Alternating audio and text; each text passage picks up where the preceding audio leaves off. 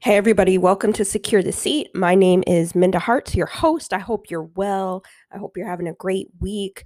For those of you who are wondering, Minda, you haven't dropped an episode in a while. Well, want to let you know that I'm doing live episodes on LinkedIn every Monday at noon. And so you can find us there. And then I sometimes pull those episodes and, and, and make them audio to share, but this is one of those days. I wanted to make sure that you get this episode in your body, in your mind, in your psyche, because I don't know about you, but sometimes creating boundaries can be tough, and especially in the workplace. So today's episode is talking about creating those boundaries inside the workplace. And as some of our businesses and organizations are returning back to work, this is when we definitely have to establish those boundaries while you're working from home. Maybe you're finding that you don't have any balance, everything is just melded, meshed together, and you need to get back to some some boundary setting, right? So today's episode is super, super dope, and I can't wait for you to hear it. Before we get into it, though, I want to let you know last year I held the Secure the Seat Writers Retreat. We had over 40 students. Um, we had some people who now have publishing deals. They put their books out on their own, um, publishing deals with um, major publishers. Some just have a better understanding of what the publishing industry is like and ways to jumpstart their book. And so I'm bringing back the Writers Retreat. So if you missed it last year, you have another opportunity this year. So I'll drop all that inside the show notes. And if you sign up, um, it's actually a hybrid. So last year it was a two day all retreat. This time it's a hybrid of pre recorded and live content. Super excited for you to see it. And it kicks off in July. So you do have time. But for my Secure the Seat audience, if you use the code STS 2021, you'll get a discount. That's STS 2021. I want you to be there. If you have a book inside of you that you've been saying, I gotta write, I gotta write, but I just don't know how to do it, don't know where to start, this is the retreat for you. So I'll make sure that that's in the show notes. But without further ado, Dr. Erin L. Thomas um, is today's guest. And um, I can't wait for you to, to listen to today's episode. Find me online at Minda Harts. Let me know what you think of today's episode. Been following Dr. Erin L. Thomas's work for a very long time, and so I'm just uh, having a fangirl moment um, about to bring her to the stage because today we're going to be talking about boundaries in the workplace. Um, Dr. Thomas is the head of diversity, inclusion, belonging, and access at Upwork. I'm a huge fan of Upwork. If you are a small business owner or even a large business owner, then you know the vibes. You know what Up, Upwork does uh, to help. I feel like I have a team of a thousand when I when I get onto Upwork. So just want to um, welcome Dr. Thomas to the stage. Thanks so much, Minda. It's awesome to be here. Happy to have you. Um, how are you feeling? I am also uh, a little mad at the pollen over here in Chicago. So, other than that, and my voice being a little scratchy, I am also fangirling. Uh, I'm a huge fan of yours and I can't wait to dig in. Awesome. And I have to say, thank you for having the memo. you I the props. I mean, read it back and forth, but I got to put it right here and give you give you credit where it's due. Thank you. That that means so much. For for those who may not be familiar with your work, will you tell our audience a little bit more about you? Sure. So, as you said, I lead DIBA at Upwork. So, Upwork is the world's work marketplace. We connect millions of independent professionals with companies who are seeking their skills. And my role is to ensure that within our 2,000 person workforce, that we are fulfilling our mission to provide economic opportunities so people have better lives. And so, I work on how we go about attracting, hiring, growing, grooming, developing uh, and paying and promoting our talent so that across lines of difference, folks from all backgrounds, you know, secure their seats at Upwork and are able to do that for the folks on our platform as well. Hey, you know what, um, Dr. Thomas, you, you may not, you don't know this, but I actually just put in two things on Upwork today for some. I love it. Coming. so thank you, thank you for for your for for you know the company and what you all do to move the conversation forward. Today, we're talking about boundaries in the workplace. And I know on the internet last week, um, there was a lot going on with Black women and boundaries in the workplace. Some of you might be familiar with what happened uh, with Naomi Osaka, her setting boundaries in her workplace. And so a lot of people like to chime in when we try and set those boundaries, but let's level set a bit. Boundaries is one of those buzzwords that we hear a lot. What what does boundaries in the workplace mean to you and what could that look like in the workplace because I know it means different things to different people. For sure. Yeah, I think it is important to define what we're talking about. And something that stands out to me was said to me by a mentor of mine really early in my career. She said, Erin, you know, the role of a company is to get everything they can out of you. And I'm 20 something, fresh out of grad school, like, what? Like, how dare they? And I can't believe this. And when you think about it, well, of course, that's what that's what for-profit companies do. They're there to squeeze productivity and you know make the margins uh, as great as they can be. But she went on to say, but your role as an employee is to tell the company what that maximum is.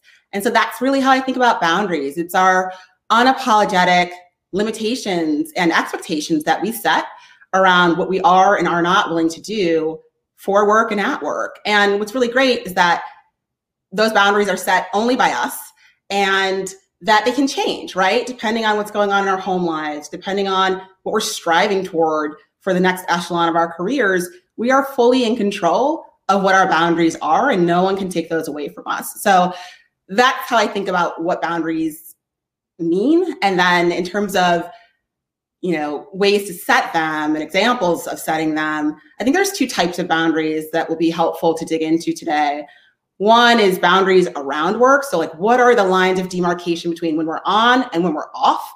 And the other is boundaries at work. So, what are, again, the expectations we set for how people show up with us and what we're willing to spend our time and energy doing? Um, a couple of examples around boundaries around work, because I think that's been really relevant with COVID and folks being fortunate enough to work from home, like myself. Um, some of the things that I do are, are, are small but helpful, like I set really clear and visible uh, working hours on my calendar so that if you're trying to schedule outside of my work hours, you get a notification. Are you sure you want to do this? Triple sure, right? Like check check the calendar before you just throw something on. And certainly there's exceptions to those rules always, but um, it's really important to lead with the boundaries you're trying to set. And I think that's really important. Uh, another example as a leader that I try to set is making sure that I take paid time off and that I strongly urge and insist that my team members take paid time off because that's a right uh, that we have, uh, at least in our company. And you know, when you're taking that time off, I'm really big on be off. Don't be popping into a meeting. Don't be sending an email. Both because you need that time to rest and restore, but also because it's confusing for people around you what your boundaries actually are when you say one thing and are doing another. So, those are a couple of ways to kind of set parameters around I'm on or I'm not.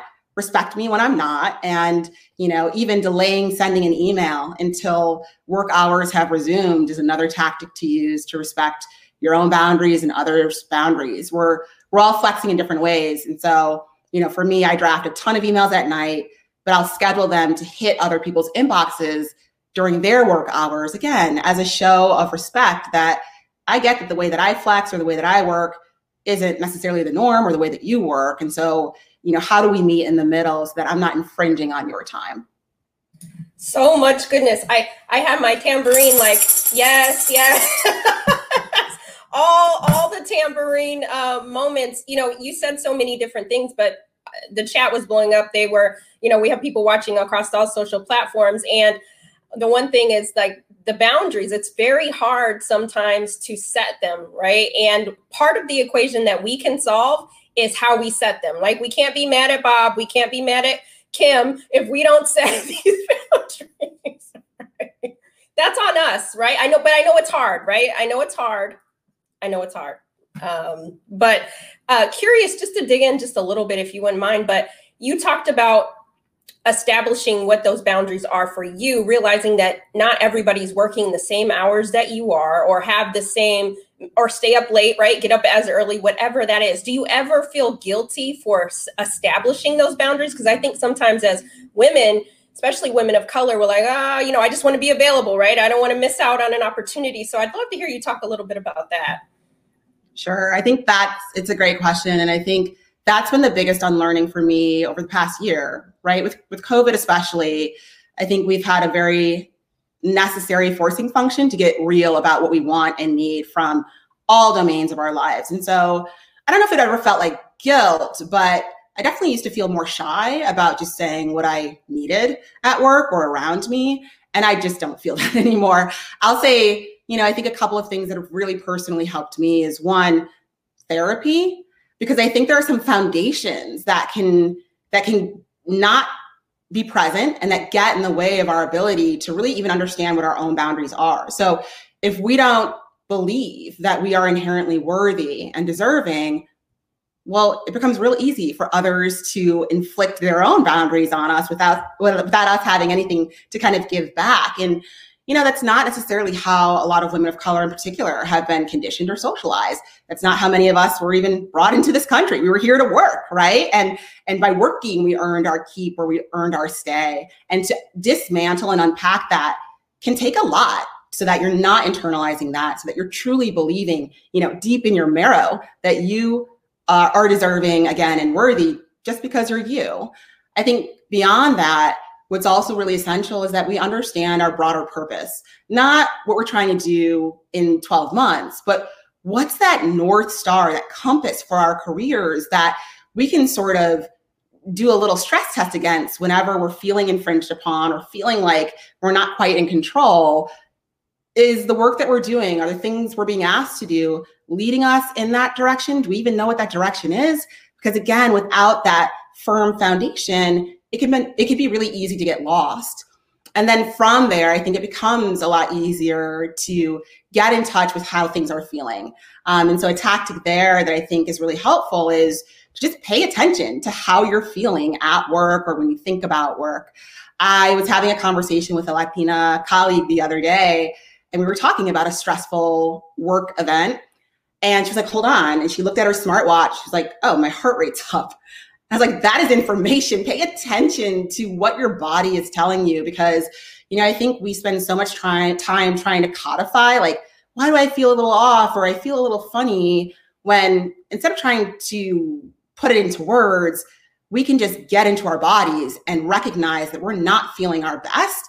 And that is information. That is us trying to tell us something about us that maybe we can't quite pinpoint yet. And so with all of that in place, becomes so much easier to say, this doesn't work for me. And how can we come together more strongly and more effectively so that we're all, you know, approaching our shared goals and bringing out our best? And I think it can be that matter of fact, less scary and much more steeped in what you need in order to do what you were hired to do. Yes, every single part of that. I, I think that's so important for us to listen to our bodies because I know in my former life, well, you know what, not even my former life, in my current life, I have some boundaries um, that I needed to set. I had um, a deadline, and um, the person that put this deadline on me was like, "Oh, I need this like 40 page thing by in like two days." And at, when she had asked me to do these things before, I would, you know, stay up till five o'clock, six o'clock in the morning, try to get it done. And then the next time she did that to me, I said, you know what? This project isn't actually due till next year. Why do I need to do this like right now? Well, I'm going on vacation. Oh, okay. So you're imposing. So you know what? I can't do that right now, but I'm going to need X, Y, and Z. And it felt so good. That's so huge. Well, and it goes back to, again, your boundaries can change. And I think there's such power, and I have done this many times as a leader, to lean into what you are changing. Yo, I don't like these dynamics anymore, team. And I'm noticing that we're falling into some patterns that I don't think serve us. And here's how I think I'm showing up in ways that contribute to this. And here's what I need from you in order for us to get, you know, more effectively towards where we want to be. That is so powerful. It's, it, it showcases so much humility and so much strength. And then to your point, again, it diffuses other people putting artificial stress on you other people's boundaries are not about you either, right? They're just trying to get their own stuff done. And so just being firm about where you stand, kind of again, uh, juxtaposing that with what other people want and need can help you realize that uh, things don't have to be as tense as they might seem. If you're all vocal about what you want and need, you can often negotiate, if you will, to get towards, you know, a way of working that works best for everyone. Absolutely. Listen, if you have questions, people are too busy. They're they're amening in the chat. So, but if you have questions, make sure that you actually drop them in. Uh, you know, my favorite quote is uh, by Audre Lorde: "Beware of feeling you're not good enough to deserve it." And we deserve setting these boundaries so that we can do the best work of our careers. Dr. Thomas, you touched a little bit on it, but you know, a lot of our audience is Black women, women of color. Um, why why is it important for us to set these boundaries in the workplace. My goodness, it's important for everyone, right? I think especially in the US, we have a culture of overwork, right? We have a pretty unhealthy relationship with work. Um, and it tends to be a really core aspect of our identities, which doesn't always serve us. But then you add on to that for, for women, uh, more particularly compared to men, we're often asked to take on tasks at work that we were not hired to do. Everything from administrative, you know, office housework to a lot of the relational and relationship work of smoothing out conflicts or managing you know kind of er issues between people who can't get along. Women are often the ones who are pulled in to help do that. And then you add on to that women of color who against all of those kind of constraints and and and demands are also often asked or feel obligated to or even are excited about things like mentoring more junior talent especially junior talent of color or serving on that diversity task force when you're not getting paid for that. Uh, so it's just layer upon layer upon layer of demand. And even though things might feel exciting, it's important to remember that just because we could do something doesn't mean we should, right? Like we have to protect, uh, again, the boundaries we set because, uh, you know, Beyonce had a quote that she shared recently, and I, I'm going to butcher it, but it was essentially about, you know, people think you're superhuman, they're going to treat you like an animal, right? Like they are going to forget that you have limitations. And if you're not reminding them, if you're not firm on what your limitations are and stopping short of them, right? We can't be burning out. Um, then uh, there's no feedback loop. There's no checking and correcting for the demands that pile up and pile up and pile up. And so important for everyone, especially important for women of color who have all of the extras just to survive the workday. That part, um, ooh, I love it. I want to take a question from from the chat. Um, it's a long one, so I'm going to kind of paraphrase it a bit. But uh, they've been working during COVID, like many of us, from home, and the lines of work and life are blurred. They haven't done a good job of establishing those boundaries. How do they get back in the game to rebrand themselves, in a sense? yeah, great question. Yeah, it is a great question, and it has been really blurry. I think for a lot of folks. I think a couple of things. I mean, one, you know, just very tactically, making sure that you have a clear end and a clear beginning to your workday, right? So a lot of what we've seen is that, excuse me, people, allergies, pollen, um, people working from home are now eating up time that would have been spent in the commute or eating up time that would have been spent, you know, decompressing from the workday because we're home, there ain't much to do, things are still locked down. Like it's, it's very easy to fill that space. And so having a really clear ending to the day where you close your laptop and at least take a couple hours off to make yourself a nice meal, to go on a walk, to feed your kids, to do nothing, watch reruns of Insecure. It doesn't matter, but it's important not to just consume yourself with more work. And again, set the expectation with others that you're available for meetings or are going to be online um, are things that are, are surely in your control. Um, and then on the flip side, you know, we're filling our, our commutes in the morning with um, I myself opening up the laptop at 7 a.m. Like, what am I doing? Um, so instead of that, like making sure you are serving as your own accountability partner. And if you're bored, that's great. Like, be bored. Like, sink into doing nothing because otherwise you're doing everything and, and blurring those boundaries. And so I think those are things you can do for yourself. And then again, if, excuse me, sorry, if um, others have become sort of habituated to this new way of working with you, there is no shame in pressing pause and saying, Hey, I think this has gotten a little bit beyond what I need or what's healthy for me. And so I'd like to pull back to how I used to work or a more reasonable set of hours for me. Any questions or concerns? And like, even if they have questions or concerns, take them, don't necessarily change your mind but it's a way of just like leaning into the fact that you don't like how this dynamic is unfolding and it's your responsibility and your right to pull back. Yes um, some a lot all of us needed to hear that that reminder that it's our right to pull back. And i know uh, a former uh, guest and friend and brother stephen a. Hart he says um, say what you mean without saying it mean right? You can establish those boundaries without being that way amen and then the other piece of that too something that my therapist told me that i just thought was a helpful reminder is you know people can not like your boundaries that doesn't mean they don't like you, right? And it doesn't mean everyone's gung ho about you working what seems like less or working, you know, on your own schedule uh, and not on theirs. But that's still fair. It's still within your right, at the very least, to vocalize what you want and need, and then again find ways to meet in the middle. Um, but I think often we feel a little shy to declare because we just we don't want people to be mad at us or we don't want to let people down. But again, if folks don't even know where you stand, then that's on you. That is, I learned the hard lesson, but you got to flex that muscle. And if you're not used to it, I'm sure there's a way for you to create a boundary today. I'm sure you're all thinking about those ways. So we encourage you to to push yourself today, push yourself into this week, so that you aren't held captive and oppressive to some of the things that you haven't actually activated to try to change. It takes work. I understand that. Uh, the other question I wanted to ask you, Dr. Thomas, is do you think that mental health and establishing healthy boundaries in the workplace have a correlation? Totally. I mean, you know, work is where we spend the majority of our waking hours. Um, there's a ton of research, including from a nonprofit called Mindshare Partners, around just the role of mental health at work that I would encourage folks to, to look into.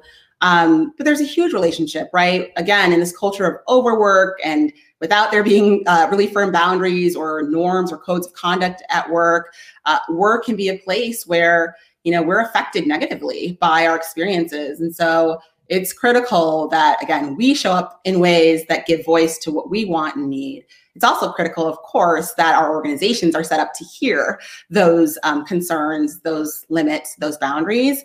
Uh, this is not just on individuals. Um, and also uh, I think more and more workers have a lot of power in really advocating collectively for what they want and need. And we're seeing this coming out of COVID, right? We're seeing whole industries start to realize that it was never working for those minimum wage employees and they have more options or they have uh, unemployment stipend and they're good. They're going to sit this out until employers step up and deliver the basics of what they need. So advocate for yourself and also for folks, you know, who have decision making power around policies and practices and just the culture of an organization, you've got to meet your employees in the middle. Absolutely. And you know that leads me to another question. What is the role that that companies and organizations can play in uh, you know once we do establish these boundaries uh, creating that culture in which it's heard, right? Because you actually have to believe someone when they tell you that this is the boundary that they need to do their best work. So I'm curious your thoughts on that.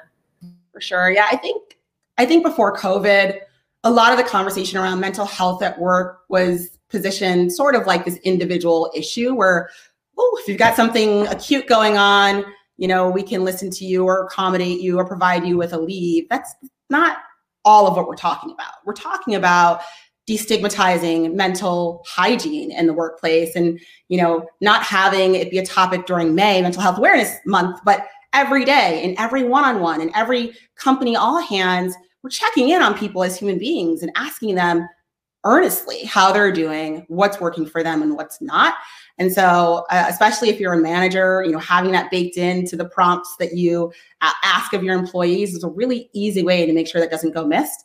I think more programmatically, you know, having training, having um, town halls and candid conversations around the temperature sort of in your company is going to be especially critical again now that we're starting to come out of the pandemic and we've had mental health challenges in the workplace before we don't even know what we're about to encounter as folks hopefully start to process all the grief and trauma of the past year and a half like I, we're on the precipice of a, of a major crisis. And so opening up, um, you know, those forums to talk candidly about, about that is going to be really important at work. And then I think even higher level than that, really paying attention to how work is set up in your organization. So, you know, there's a difference between working hard and doing hard work. And, you know, I think the latter is what we're hopefully striving toward in a lot of companies. We want to dig into meaty issues and solve meaty challenges. But if we're not doing it in a way that is smart or efficient, if we're doing it in a way that is overly taxing of employees, that's part of what can lead to the toxic toxicity of the workplace to the burnout. So, do people have the resources they need to do their jobs? Are they empowered to make decisions? Uh, do they believe that the goals set for them are attainable? If not, you know, 40 hours on the clock is going to feel like 100. And so, just even understanding that time can feel different depending on how it's used, I think is um, a really necessary uh, place for companies to dig in, again, especially coming out of the pandemic. Absolutely. Thank you for sharing that. I know that everyone is getting so much out of this conversation because boundaries, I mean, they're always going to need to be set, right? And and to your point, they sometimes change, need to be modified, those sorts of things, but I hope that you're creating those for you. We have one quick question before we jump into our bonus uh, round and one question here is along the lines of any advice you might have, Dr. Thomas, around um, their team doesn't it's kind of normalizing not taking vacation days or if they do it's a week but um, i think this person is interested in maybe taking two weeks off but that guilt of never you know work, work hard work like a workhorse right? So hopefully i've uh, been able to articulate that but they're, they're they want to be able to have that time but the culture on the team is not of that. Yeah that's a challenge for sure. I mean i think hopefully you have enough of a relationship with the person in charge of the, the team, the manager, to share what that tension feels like, right? We might have a policy or we might have vacation days accrued, but it doesn't feel like I can take them. Um, again, just matter of factly stating where you might feel stuck or you might feel like you know the company is sending mixed messages can be really helpful because the manager may not even realize that that is sort of the unspoken norm that's being cultivated. And it can open up a conversation, hopefully, that's really healthy and inviting and that nudges you to take the time, again, that you've earned um, either in accrued days and deserve just as a person. Um, so that's one thing that I would encourage if you have a supportive leader. If you don't, hopefully you've got a supportive HR team or someone else you can go to to again just shine light on the fact that you seem to have this benefit and yet are not being able to utilize it. Like there is a mismatch there that doesn't behoove your organization or your team in terms of retention and even attracting uh, great employees. And so I think just starting with the facts and what you're feeling can hopefully open up that discourse and get you to take that time. Yes, yes. And you know, the theme that we've been discussing is the part we have control over, right? Our managers or whomever may not understand, they might feel some kind of way about it, but we have to at least articulate what's what we're experiencing, right? And so that's so important. So we're rooting for you to have that difficult conversation. Um, hopefully, go into it that they're going to be like, wow, I wasn't aware of this, right? Let me create a better, a safe space, right? But the main thing to all managers and leaders, create the safe space for people to be able to come to you and have this conversation without guilt, without you know backlash all of the things so because we know sometimes that comes on the on the heels of it and and that is not okay uh, we're going to drop dr erin's information so you can follow her on twitter she's always has really great content and insight. So make sure that you follow her. Um, Dr. Erin, I hate that we're almost at the end of the show, but I have to ask, as a lover of grits and rap lyrics, well, first of all, do you eat grits? I do. I eat a lot of grits, and actually, and I don't do sugar. Um, I know you're anti, and so I don't even understand that. It's butter and salt all the way, a little pepper. Um, but I love grits so much that actually um, I had an incident a couple weeks ago. I dropped my phone into like a huge tub of water and I sprinted to my pantry to try to find dry rice to put it in. I didn't have any. So I put it in grits. And that did not work. Let me just tell you. It actually caused problems because the grains of grits are so tiny that I, had to like dislodge them from my charging port. So that's a, a long answer to your question. Yeah, I like grits a lot. Okay, I knew I liked you. I knew. I knew I, I had a feeling that you wouldn't you wouldn't say sugar. I was really praying uh, with my tambourine uh, on the side of me that that you give the right answer. Um, and if you love grits, uh, definitely pop in the chat how you like to eat them. Um, definitely salt all day, every day. Uh, the other question: um, grits go good with good rap lyrics. Curious what your favorite rap lyric is and why. Gosh, yeah. So Minda, of all the questions you asked me to think about for for this half hour, this one was the most stressful for me. Um, and I think mainly because I'm a feminist, I lead inclusion efforts, I'm very much a pacifist, but the rap I listen to is is filthy and inappropriate and like that is just hard for me to wrestle with every time I'm spitting spitting bars. So I can't share with you any of the actual ones that I get down to, but one that's been um, in rotation recently, it's I guess I'd call it a rap song. It's Beyonce's song Freedom. And I just love a line from the chorus where she's like, I'ma keep running because winners don't quit on themselves. And I've started running um, for the first time in a decade recently. So when that hits me when I'm running, it always gives me a burst of energy. And I love that that line because I don't know, it's so uplifting and she's really talking about everything we are talking about today, like digging deep into yourself, knowing what you're made of and capable of and again, coming off such a hard year and a half. Um, knowing that even when you're down, it doesn't mean you're out. You have to have a fixed mindset about your capabilities and about your winner status. And I just think um, that's a message everyone can can kind of live by. Absolutely, uh, Beyonce always has the bars, um, and and we are all winners, and we're not going to quit on ourselves. So that was perfect to get the week started for those who are joining us on Monday. But even if you're midweek and you see this recording, you know you are a winner. You don't quit on yourself, and it starts with creating those those boundaries. So thank you for that. Uh, the other question that I wanted to ask you is everyone, in, in my opinion, has the ability to be a leader. You don't have to wait to get to the C suite or have a certain title. We all can do that today. But what is one tip or piece of advice you would give everybody watching, all of our leaders, one way to make the workplace better than we found it? I'd say listen to Black women. Um, you know, just to stay on theme, we tend to be canaries in the coal mine. We tend to be the ones who see things really early and we can understand the nuances and the subtleties of what's going on in the workplace. And that makes sense. Like that has been a survival skill and tactic uh, for us for generations. And so um, I think sometimes leaders get distracted by small numbers and it's just one or two people. But if those one or two people are a Black woman or more broadly, a, a woman of color, lean in because you're going to see a tide of this um, coming uh, eventually in your workplace that affects every employee. So really pull those folks in, pay them if you're going to pull them in formally, but um, really pull those folks in and listen to what they're saying because we know how to read.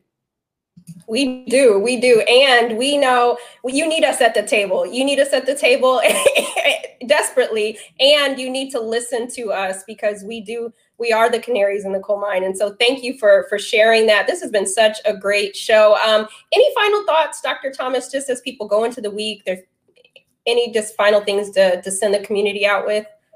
Yeah, I think my final thought is just again on topic that you know, hopefully you're motivated and energized by what you can control and what you do have power over in terms of declaring for yourself. It doesn't, again, mean that folks are going to receive that well.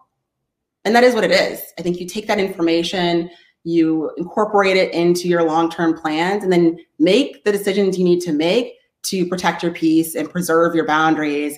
If it's not in your current workplace, which is really unfortunate, there are others that will be there to support you. And so, especially as talent reshuffles coming out of this pandemic, pay attention to your options because hopefully you have some. And if you're a follower and a fan of Minda's, um, you, you're going to be a strong candidate for a variety of roles. So we're all rooting for you.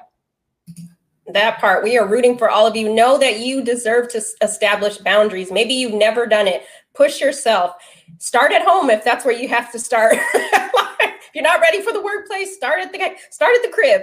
Okay, start setting those boundaries because it will help you. Practice makes perfect. Again, Dr. Thomas, such a pleasure having you. Thank you for the work that you do, how you hold space for us, the work uh, that you do at Upwork and beyond. Make sure that we'll drop your link to Twitter. Make sure you're following, um, and let's continue the conversation online about um, boundaries.